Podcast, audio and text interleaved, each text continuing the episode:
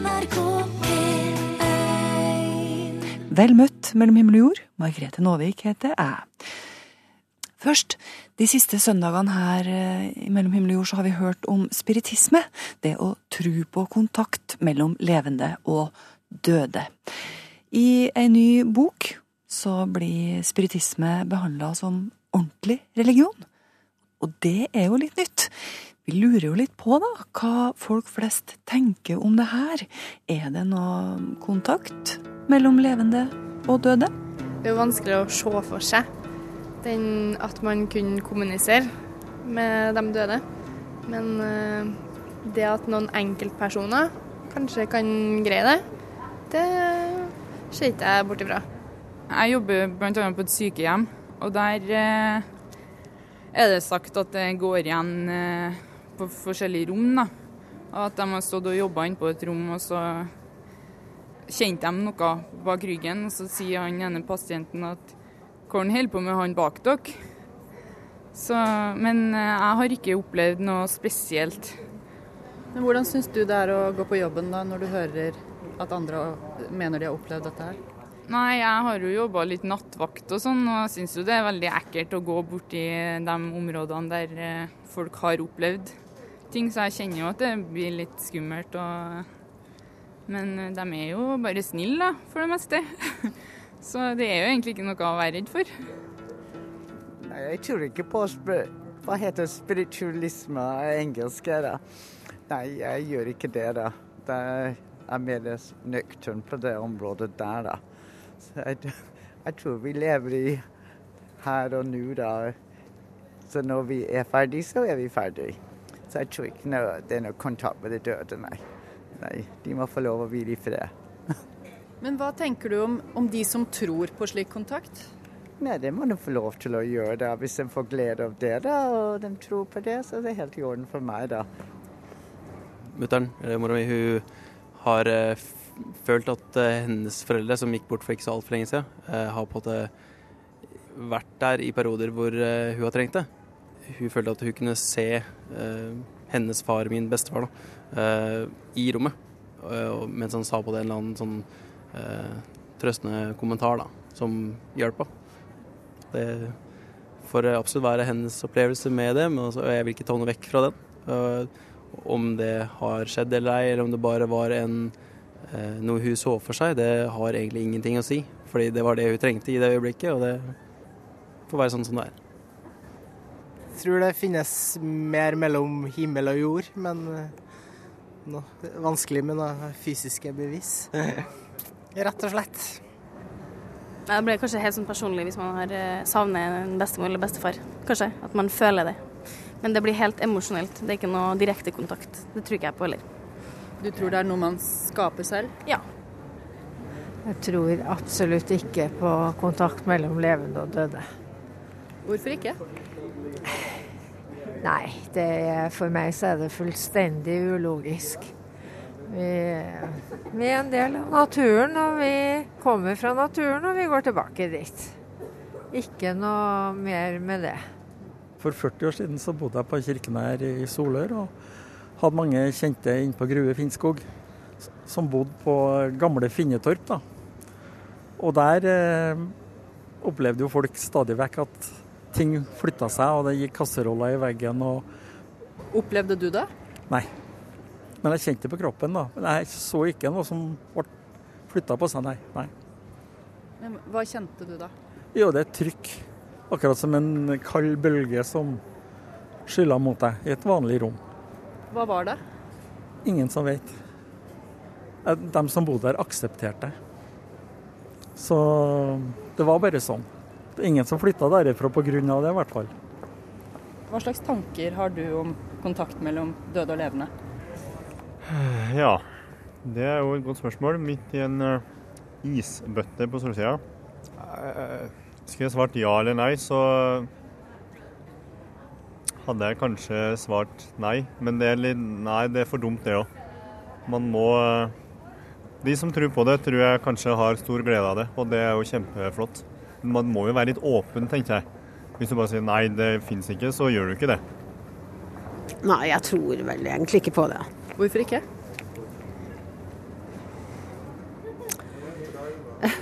Det er et kjempevanskelig spørsmål, da. Hæ? Hvorfor ikke? Jeg vet ikke hva jeg skal svare. For det er jo, man kan jo ikke bevise noen ting som helst. Det er jo sånn tro-greier, da. Hæ? Jeg tror liksom ikke på det, da. Jeg har mange rundt meg som uh, sier at jo, det er noe. Det er noen ting. Men jeg har egentlig ikke um, noe formening om det, for å si det sånn. Men jeg har ikke opplevd noe som helst. Det har jeg ikke. Men dattera mi hun har opplevd noe i, i huset i det hun bor i nå. da. At hun føler at det er farmora hennes er der. Som gjemmer litt forskjellig. Pga. skilsmisse og sånn, så at jeg liksom det blir tatt tingene til hun nye som kommer inn i huset, for å si det sånn. Men altså, det, det kommer jo tilbake, så det er jo et eller annet som skjer. Hva tenker du når hun forteller om farmora, da? Altså, hva jeg tenker, så sier jeg ja, det er jo mulig det, sier jeg. Men eh, jeg tror faktisk du har noe inni deg sjøl. Altså, hvis du har sterk tro på det, så tror jeg du har mer, at du får mer opplevelser enn at du ikke tror på det. Eh, nei, jeg må si jeg har ikke så veldig trua på det, egentlig. Jeg tror mer på vitenskap og det som man kan se, enn det som noen mener de ser, da. Jeg føler ikke at noen har klart å bevise at de får til det de påstår de får til. Jeg er halvt islandsk og vokste opp med islandsk kultur der det er veldig fokus på det. Der tror de fleste på det, egentlig. Og masse medium som går rundt og kommuniserer mellom eh, verdenene og sånne ting. Men jeg tror at eh, når vi er døde, så er vi døde. Da har vi opphørt. Så da er det ikke noe, det ikke noe poeng i å drive og kommunisere med folk som har opphørt, tenker jeg. Men tror du det går an? Nei. Kjenner du andre da, som eh, mener de har opplevd kontakt med døde? Ja, ja, ja. Mange. Min mor f.eks. Hun eh, fikk eh, svangerskapsforgiftning da lillesøstera mi ble født, og lå på en avdeling og var svevd litt mellom liv og død. Eh, og da hennes far døde da hun var 14, og hun følte at han var der ved siden av. Og på en måte bare var en, en, en far, da, en pappa som passa på. Og jeg har, aldri hatt, jeg har aldri diskutert det med hun på en måte, for det er jo hennes opplevelse, og veldig, veldig fint. Hun trengte det jo der og da.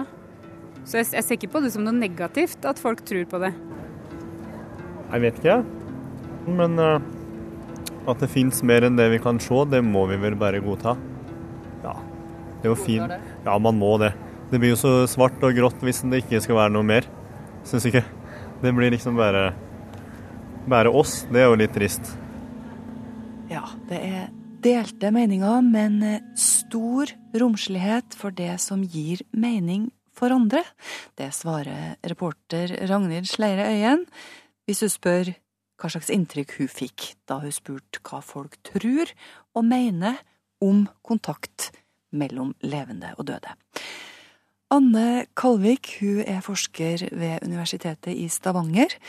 Hun har skrevet ei bok, og i denne boka så behandler hun spiritisme, altså det å tro på kontakt mellom levende og døde, som en religion på linje med andre religioner.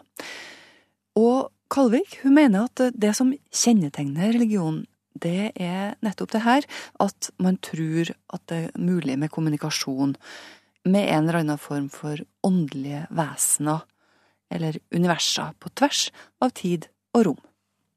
De siste søndagene så har vi her i Mellom himmel og jord hørt om hvordan den klassiske spiritismen spredde seg fra USA til Europa siste halvdel av 1800-tallet, og at vi i Norge i dag har et mangfoldig landskap av organiserte og uorganiserte spiritualister og spiritister. De kaller seg litt forskjellig, og vi har hørt at et typisk budskap fra det man gjerne kaller den andre sida, er trøstende og forsonende.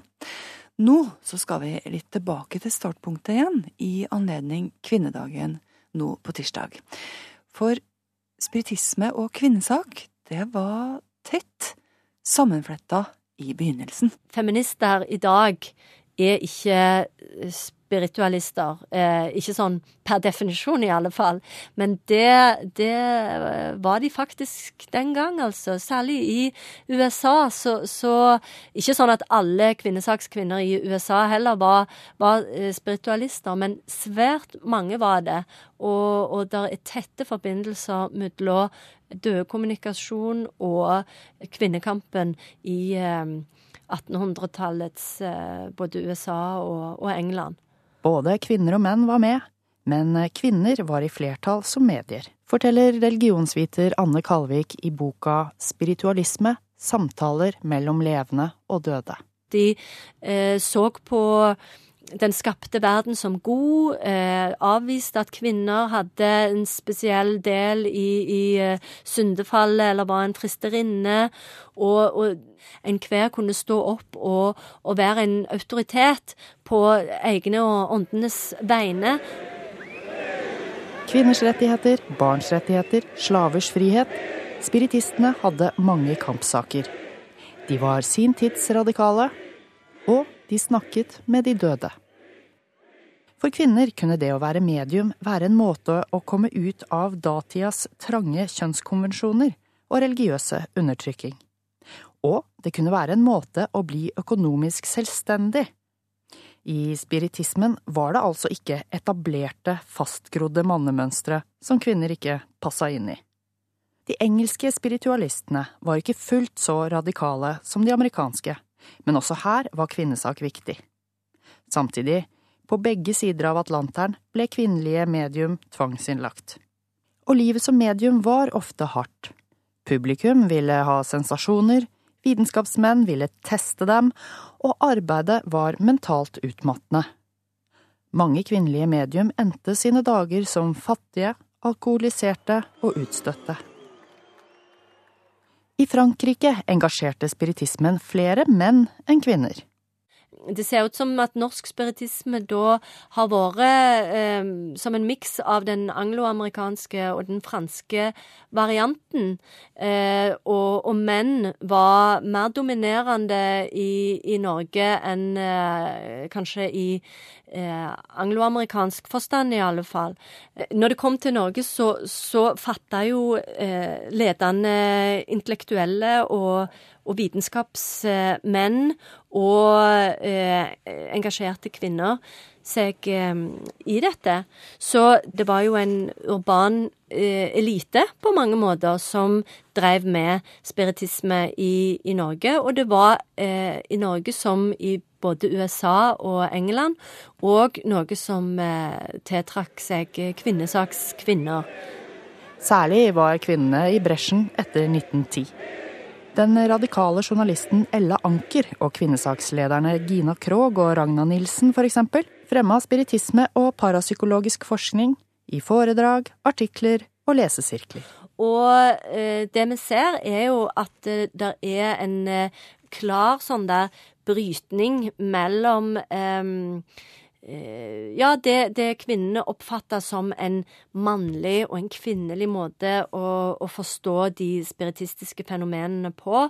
Sånn at når en hadde vitenskapelige forsøk på å få eh, bevist at dette var altså ekte åndelige meddelelser, så, så, var det vanskelig å få til eh, hvis det var eh, fiendtlig innstilte vitenskapsmenn som, som skulle eh, stå for disse forsøkene, altså. Selv om noen av verdens mest kjente medier i dag er menn, er det mange flere kvinner som holder på, og som hører på.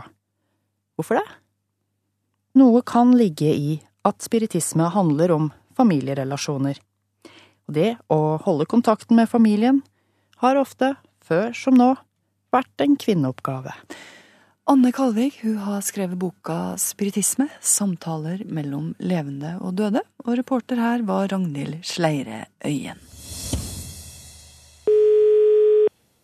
Radioresepsjonen, vær så god. Ja, jeg ringer fra Tyholt. Eh, har Hege Storhaug kommet?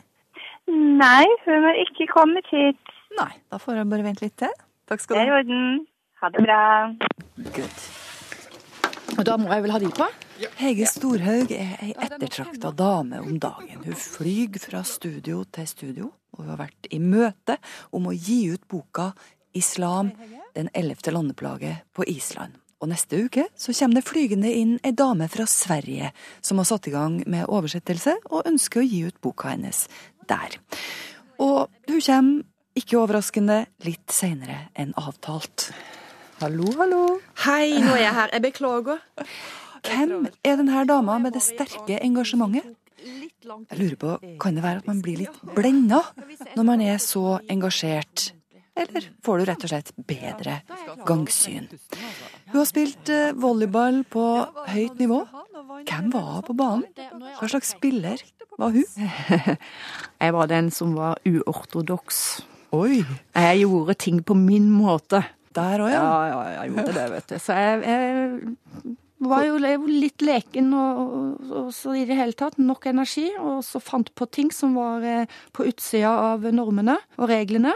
Hvordan slo det ut? da? Forklar sånn konkret. Ja, landslagstreneren i sin tid, han var ikke så veldig fornøyd innimellom. Men jeg møtte jo en, en tidligere landslagsspiller som jeg spilte sammen med den gangen, da. Eh, Ranveig Wallin. Jeg møtte henne på gata i Oslo for noen år siden, og da hun er fremdeles i volleyballen som trener. Ja. Hun sa det. 'Vet du hva, Hege? Den måten du spilte på, det er sånn man spiller i dag. Du var forut for din tid.' Er du litt sånn at du, at du vurderer regler og lover og liksom kjører det du syns er det riktige løpet?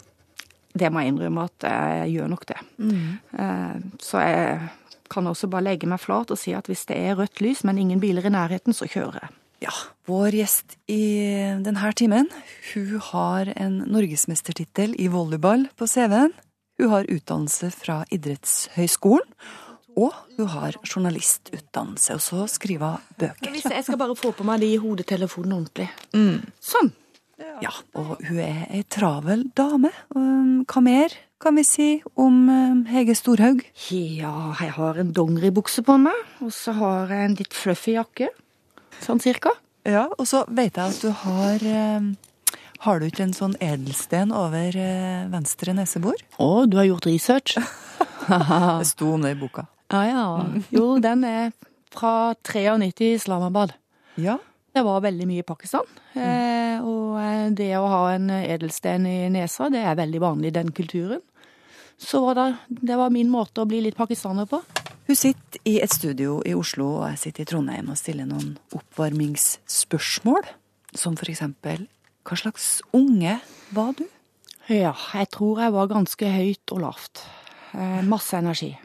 Og eh, veldig intens og lidenskapelig. Eh, veldig glad. Veldig glad. Ja. Og født menneskerettighetsaktivist. Eh, jeg hadde en lillebror, tre år yngre enn meg. Og han var til tider litt vel bråkjekk overfor gutta. Så når han skulle ha juling, så stilte jeg meg opp og tok den. Så det var vel mitt første engasjement for menneskerettigheter og, og så videre. Jeg måtte jo beskytte lillebror. Det måtte du jo. Mm. Ja, og det her engasjementet tenkte jeg at vi skulle snakke litt om da nå. Fordi altså, du har jo skrevet denne boka som heter 'Islam den ellevte landeplage', som kom ut sist høst. Mm. Um, hvordan har det seg at du fikk et sånn sterkt engasjement for denne saken? Det var når jeg kom til Pakistan, så til de grader. Det var jo et kulturelt sjokk av dimensjoner. Ikke minst mangelen på respekt for menneskets ukrenkelighet. Jeg var jo høyt og lavt i Pakistan de første åra, og jeg møtte jo kvinneskjebner som Det sitter i ryggmagen ennå, hva enkelte kvinner i Pakistan går igjennom. Å stå opp for den som står utsatt til, det er det som driva. Det starta da hun bodde i Pakistan i to år. Eller det starta egentlig før det, for det var jo en grunn til at Hege reiste til Pakistan. Hun møtte ei jente født i Norge av pakistanske foreldre. Eh, historien var at hun ble tatt til Pakistan eh, rundt eh, i 16-årsalderen, hvor de skulle på en måte verdimessig pakistanisere henne. Hun har blitt liksom for norsk, som det heter. Mm. Og det endte opp med at de skulle gifte henne bort til en tremenning i en landsby i nord i Pakistan. Og hun nekta. Og det hele endte med at eh, i en eh, jordhytte med åtte menn i familien, derav en onkel med pistol, eh, som ble satt på tinningen hennes, for de skulle ha hennes ja til dette ekteskapet. Og da hadde hun ikke noe mer valg hvis hun ville leve. Så hun eh, sa ja, og rømte elleve dager etter ekteskapsinngåelsen. Hun hadde både politi og militær etter seg, men hun kom seg helskinna på den bussen til ambassadørens privatbolig og ble frakta hjem trygt til Norge. Journalisten Hege Storhaug holdt eh, litt tilbake, ville ikke ta i denne saken til å begynne med. Eh, jeg hadde en sånn følelse av at det kunne endre noe i livet mitt. Og den følelsen, den var vel veldig riktig. Men hva var det det endra, liksom? Det ble jo hele yrkeslivet mitt, altså voksenlivet, mm. disse temaene mm. knytta til først da disse overgrepspraksisene, som tvangsekteskap, æresdrap, kjønnslemlestelse. Og inn på 2000-tallet så kom jo også dette med islam som lovreligion. Det rykka jo også nærmere inn i, i livet mitt. Og for meg så så var det ikke 9-11 i 2001, altså angrepet på, på, USA. Det var ikke det som fikk meg til å våkne. Jeg våkna først i 2004. Og det var fordi at Theo van Gogh ble strupeskjært i Amsterdam, på åpen gate. Ja, filmskaperen som ja. laga en provoserende film for mange muslimer. Det her engasjementet kan det stå i veien for noen ting? Kan du bli så engasjert at du blir litt blenda av ditt eget engasjement? Eh, ja, det er jo et, et eh, godt spørsmål. Eh, nå er det sånn at jeg har brukt veldig lang tid på å komme fram til ulike standpunkt. Så er det også noe med å hele tida ha med seg den ransakende delen. Mm. Den kritiske fornuften. Har du tenkt riktig? Er det noe du ikke ser? Og så videre. Ja. Så den har jeg jo hatt med meg i alle år. Når jeg leser boka, så får jeg inntrykk av at uh, du løfter fram uh, lite av det positive i islam, da. Så altså, hvis, jeg, mm. hvis, jeg, bruker meg sjøl som eksempel, mm. er jeg en sånn person som uh, ja, kanskje ikke greier å holde på så mange standpunkt, rett og slett fordi ja, der kom det et nytt innspill. Oi, der kom det et nytt innspill. Mm. Fikk et annet perspektiv. Kjenner du igjen det? Nei, jeg må innrømme at det gjør jeg ikke. Um, for meg er det uhyre viktig, eksempel, eh, som jeg også gjør veldig klart i boka, at jeg skiller mellom de frihetsorienterte muslimene, som er våre venner, mm. står for de samme verdiene, som kun har en eh, spirituell tro, som er helt privat. Det er ikke noe problem. Eh, og det som er lovreligionen islam, altså som er det politiske islam. Det er den islam som har vokst og fått makt i Norge og Europa, og det er den vi må være på vakt mot. Fordi den er da i kamp med våre frihetsverdier, som ikke minst likestilling mellom kjønnene, og likeverd mellom alle mennesker, ytringsfriheten. Eh, jeg har jo et spørsmål på baksiden av boken som jeg egentlig kunne bare ha strøket. Eh, jeg sier er vår tid forbi? Og det er jo i Øverlands tradisjon, men diktet hans var 37. Eh, og eh, vår tid er forbi. Eh, jeg har nevnt Theo van Gogh. Eh, jeg kunne jo ha nevnt Kurt Westergård, tegneren i Danmark, som eh, ble forsøkt drept i sitt eget hjem. Eh, jeg kan nevne Lars Hedegaard, som ble forsøkt drept i sin egen trappeoppgang i København. Ja, men det er det jeg mener, at du, mm. at du trekker hele tida fram det. Altså, du sier at islam har fått makt, mm. uh, at den Medina-islam har fått makt, da. Mm. Men det er jo Islam de bekjenner seg til dem som du snakker om som liberale muslimer òg. Ja. Uh, er ikke det skummelt med den generaliseringa? Nei, det er ikke noe generalisering. Og det er jo det også de frihetsorienterte. Veldig interessant. Og så er jo de veldig glad for dette skillet.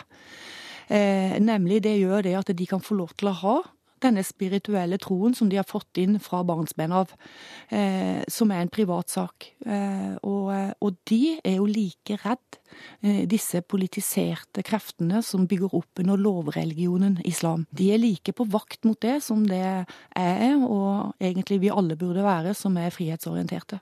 Så det betyr at islam er ikke bare en landeplage, liksom?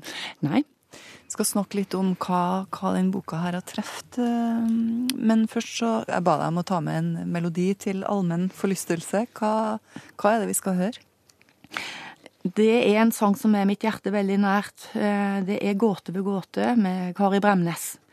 Og eh, den sangen ble sunget i min 50-årsdag. av hun som utpekte meg som white mother når hun var fem år gammel i Islamabad.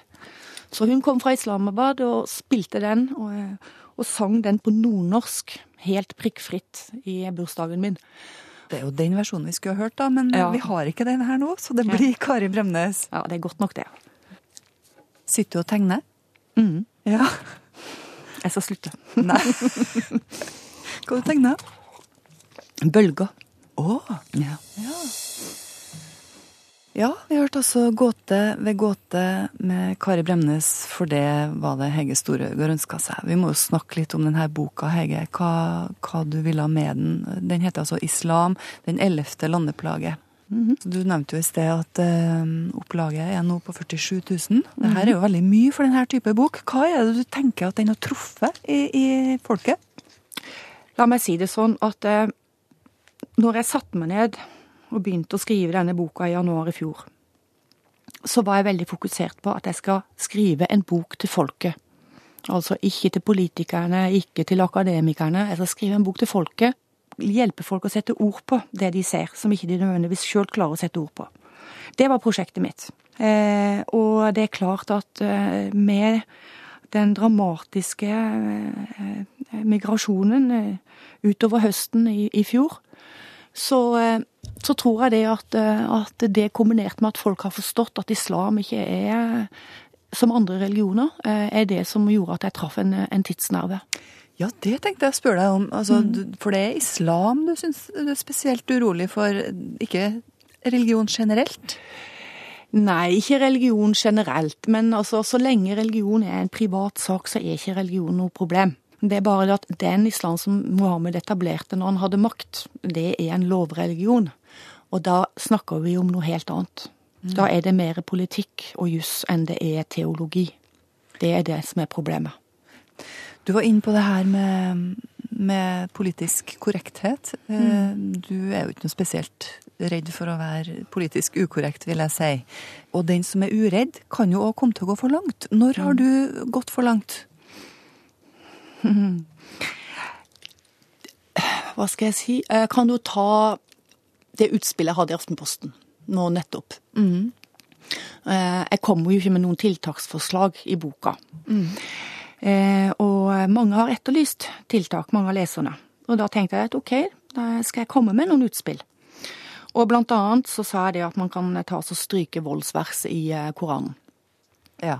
Og, og jeg tror nok kanskje ikke det var det smarteste å si. Eh, I og med at det er såpass mange som mener at denne boka er hellig. Men er det litt sånn at du da, da legger du fram de her tiltakspunktene, og så bare venter du litt sånn Ja, hva skjer nå? Du tar en sjanse, på en måte? Eller hvordan funker det? Nei, jeg tenkte ikke så mye. Det som jeg var opptatt av, er at vi må få en debatt om dette. Hva gjør vi med det? Dette har konsekvenser på norsk og europeisk jord i dag. Skal vi ta dette på alvor? Eller skal vi bare late som om? Og det er den der late som om, det er den jeg mener eh, vi kan Vi har ikke råd til det som samfunn. Og eh, jødespørsmålet er for meg helt avgjørende nå. Norge og Europas jøder er kanarifuglene i gruvene våre. Hvis de en dag slutter å synge, da er alt tapt. Jeg tenker jo at det, det har du jo virkelig oppnådd med denne boka her, og det er veldig bra. Og for meg som journalist så er jo denne boka her verdifull, for det er mye kunnskap i henne som jeg ikke hadde. Som Ja, jeg kan lese meg til. Men også er jeg litt redd for at den skal bli en slags sånn eh, bibel for ekstremister, da. At det kan bli en støtte til et rasistisk tankegods fordi du Ja, men islam er jo ikke en rase. Nei, nei, men en eh, kulturrasistisk, da, eller religionsrasistisk. For hvor går grensa når vi liksom begynner å støte folk fra oss og skape mer konflikt? Har du tenkt over det? Nei, men skal Altså, når vi har en, står overfor en totalitær ideologi, skal vi i frykt for at de kan bli enda mer ekstreme, ikke kritisere det vi ser er en, en fremvoksende totalitær ideologi? Nei, det men altså snakk om måten du kritiserer på, da, tenker jeg. At du, at du at en gjennomgående litt sånn aggressiv, opplever jeg den boka. Nei, den er en kjærlighetsbok. Nå må du gi deg. Nei, men Jo. altså, jeg leser. Det er jeg som bestemmer hvordan jeg oppfatter den. Ja, da må du lese den en gang til. Nei, det, det kan du forlange. Altså, jeg må jo kunne si Hør her, jeg oppfatter boka som litt sånn aggressiv. Og lurer på hva den gjør med, med folk som har litt sånn tendenser til å, å sette folk i gruppe, da. Ja, men altså nå er det sånn det at uh, ytterliggående krefter, uh, de vil jo da som regel ikke være med på f.eks. mitt skille mellom frihetsorienterte muslimer og de som er, er, er farga av en totalitær ideologi. De vil sause alle muslimer sammen i én gryte, og som én fare. Eh, jeg har jo registrert de kreftene på nettet. De tar avstand fra boka mi fordi at jeg løfter fram Mekka-islam og frihetsorienterte muslimer. Og, eh, og for de er det helt uakseptabelt. Eh, så jeg opplever at jeg faktisk har gjort det absolutt riktigste som jeg kunne gjøre i en såpass vanskelig sak. Ikke minst også fordi det er så viktig at ikke vi stigmatiserer en hel gruppe. Men Altså, Vi må passe på at vi ikke går i skyttergraver nå, ikke sant? Ja, men de skyttergravene de er der allerede. Vi kan ikke fortsette å grave dem dype, liksom. Må... Jeg tror det er viktig at vi graver i de gravene også for å få opp hva vi står overfor av ideer og tankesett. Eh, og hvis ikke vi bruker vår, den kritiske fornuften, som er arven etter opplysningstiden, så får vi ikke gjort noe med disse kreftene. De vil bare fortsette å vokse. Men kanskje litt det, hva, hva, er det fineste liksom, med islam? Du snakker veldig lite om det vakre. Kan du, kan du gjøre det nå på radioen? Nei, altså det, det som er ålreit med religion, uansett hvilken religion det er, og det er det at den kan være en, en, en støtte i et menneskes liv. I utfordrende perioder. Eh, den kan være en trøst og en støtte. Og det er ikke noe problem hvis, hvis folk har et sånt forhold til, til, en privat tro. Har du opplevd noe, har du hatt noe sånt som har vært i nærheten av religiøse opplevelser sjøl? Noen gang? Ja Det var en gang i 20-åra hvor jeg var på interrail alene, og så kom jeg til Høya Elba. Jeg er jo ei naturjente i utgangspunktet, så jeg lå jo på ei strand og kikka opp på et eh, ganske svært fjell. Og eh, Gikk opp i nærmeste landsby, kjøpte med meg frokost og klatra helt til topps på det fjellet. Og eh, når jeg skulle ned igjen Alle som har klatra, de vet at det er mye vanskelig å komme ned. Så jeg ble hengende i fjellveggen, og i det hele tatt Jeg brukte mange timer på å klare å komme meg ned. Og da var jeg ganske kjørt mentalt. Og eh, det var sånn følelse av at eh, nå fikk jeg hjelp fra oven, at jeg klarte å overleve det greiene der. Så da var jeg ganske sint på meg sjøl, og lovte meg sjøl at jeg aldri mer skal gjøre noe lignende. Ja, Og det har du holdt? Eh, ja, sånn cirka. men, men du sa du fikk hjelp fra oven. Hvem var det som var der? Ja, da ba jeg jo til Gud. Mm. Ja, ja, ja. Så du er ikke helt fjern for at det finnes en gud, liksom? Nei, men altså, når du er i krise, vet du, da, da tyr du til det meste av midler. Så eh, nei, jeg kan ikke avvise noe som helst, men jeg syns altså det som er Jeg er nok veldig der at jeg skal ha bevis, og, og, det hjelper ikke bare med tro. Nei. Nei. Eh, Bortsett fra når det er krise. Når det er krise, så kan man gjøre unntak. Sånn at man trenger ikke være helt firkanta. Panelet. Jeg er Per Prest, eller Per Kvalvåg som jeg offisielt heter. Jeg er en energisk uh, liten fyr med hatt. Og noe av det artigste jeg vet om i verden, det er å spille jazzband eller stelle i stand middagsselskap. Ja, jeg heter da Morten Fastvold, og eh, er da eh, filosof, eh, skribent, humanetiker. Jeg går ikke med hatt, men kan godt arrangere middagsselskap en gang iblant, så det er greit. Og hører gjerne på jazz. Mitt navn er Mina Dampour. Jeg er lege og muslim og har et par twin tip-ski og liker å gå i store T-skjorter. Ordet i dag er nestekjærlighet. Jeg har litt problemer med det ordet. Vi mennesker vi kan leve oss inn i andres situasjon. Og gjennom at vi kan gjøre det, så kan vi forestille oss hvordan andre har det, og få en slags sympatifølelse for det. Og vi, vi ønsker gjerne folk vel. Vi vil folk vel ofte. Men altså kjærlighet til nesten, eh, det, det, blir noe litt rart for meg å kalle det det. Ja, eh, hvis du med kjærlighet mener en sånn en uh, intens psykologisk følelse, ja. ja. så er det klart at uh, det er ikke noe du kan føle for fremmede mennesker i Syria, antagelig.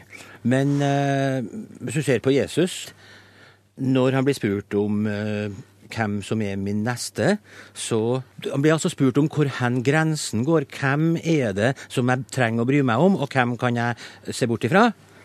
Så snur han spørsmålet, og så sier han at eh, det gjelder om å være en neste for alle andre. Og da setter han ingen grense for hvor hen eh, ansvaret slutter. Vi har et ansvar for alle, og det ansvaret det dreier seg ikke om intense følelser, men det dreier seg om handling. Og det syns jeg egentlig at folk er veldig flinke, og til og med dem som er romantisk forelska. Når, når folk kommer til meg og skal gifte seg, så kan jeg bli slått ofte av hva slags praktisk og jordnært kjærlighetsbegrep de har. Det handler om å hjelpe hverandre om små ting. Det handler om å se hverandre bry seg om. Stille opp litt. Er det litt mer sånn handling enn følelse du tenker, Per? Kjærlighet? Det er vel Karsten Isaksen som har sagt en gang at eh, kjærlighet er et verb. Akkurat. Men, ja, for det beskrives jo som eh, i, i Store norske leksikon som kjærlighet uten begjær.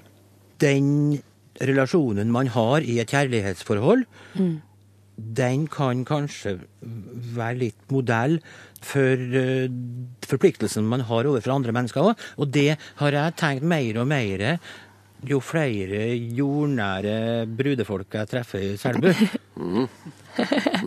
Men Mina, jeg må få høre hva du syns om det ordet, da.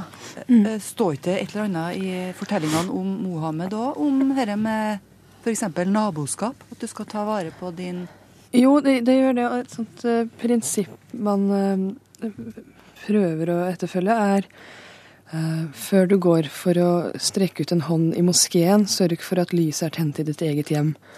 Prinsippet går da ut på at liksom, prøv å være god i det innerste laget, og så jobb deg selv utover derfra. da.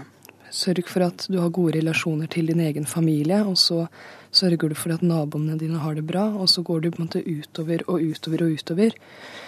For jeg må jo si at eh, jeg tar meg selv noen ganger i å få høre at 'Å, du er så godt menneske, du bryr deg om andre', og så tenker jeg 'Åh, det var jeg ikke hjemme i dag'. Og da, da blir det litt sånn eh, Det er klart at det er mye lettere å sende noen kroner til Syria enn å invitere denne flyktningen inn til middag i familien. Hva sier du, Morten? Jo, altså, jeg tror nok vi er ganske enige i sak her. Altså, jeg tror vi alle, Det er en allmennmenneskelig impuls å ville hjelpe hvis man ser folk eh, i nød og vet at man kan gjøre en forskjell. Da tror jeg det er en veldig sånn impuls. Eh, Så, men jeg tenkte på, Du nevnte Jesus i stad og liksom brukte han som et eksempel på dette var litt praktisk og handling. Altså, så vidt jeg har forstått, så eh, Et veldig anliggende for Jesus var jo å gjøre religion til noe mer enn en stammereligion. ikke sant? Altså At det var ikke bare jøder man skulle føle omtanke for, men det var eh, alle andre også. Eh, Og den er jeg jo helt med på. Altså Humanismen er jo helt sånn universell antirasistisk i sin grunnleggende karakter. ikke sant? At, eh, for at det, mennesker er mennesker. Ikke sant? Det her er ikke jøde eller greker. Nei, det, er ikke nei. noe, det er ikke noe som heter Norge, dypest sett. Nei. Det er bare en praktisk ordning. Det. Ja, ja. Så, så der er vi jo helt på linje. ikke sant? At uh, det at du er et menneske, det er det viktigste. Det ble veldig mye kjærlighetsprat her nå, og jeg vil si til deg, Morten, at jeg litt enig i at kanskje vi skulle bytte ut ordet nestekjærlighet med noe annet. La oss, ja, Medmenneskelighet er jo kanskje et godt ord. Absolutt. Ja, det er jeg helt enig i. Og jeg kan jo bare på min side si at eh, jeg hørte om en humanist en gang som elsket hele menneskeheten, men kunne ikke utstå de enkelte mennesker. Ja, det går an å kjenne seg igjen i. Og det var slutten på Mellom himmel og jord i dag. Har du noe på hjertet? Hvorfor skal du nå la det ligge der? Når du når oss på e-post, for eksempel? Himmel og jord, krøllalfa, nrk.no. Eller du kan gå inn på Facebook og se hva som foregår på sida vår der. Det ligger et bilde av mange av dem som har gjesta oss i radioen, da. Og flere til. Og ikke minst, har du et spark på leggen til oss, eller en dult i sida, eller et klapp på skuldra, vi står nå her da, med åpne armer. NRK Livet heter Facebook-sida. Jeg heter Margrethe Nåvik, og kan ikke annet enn å ønske deg en riktig god søndag. Med NRK Radio, for eksempel. Hør flere podkaster på nrk.no podkast.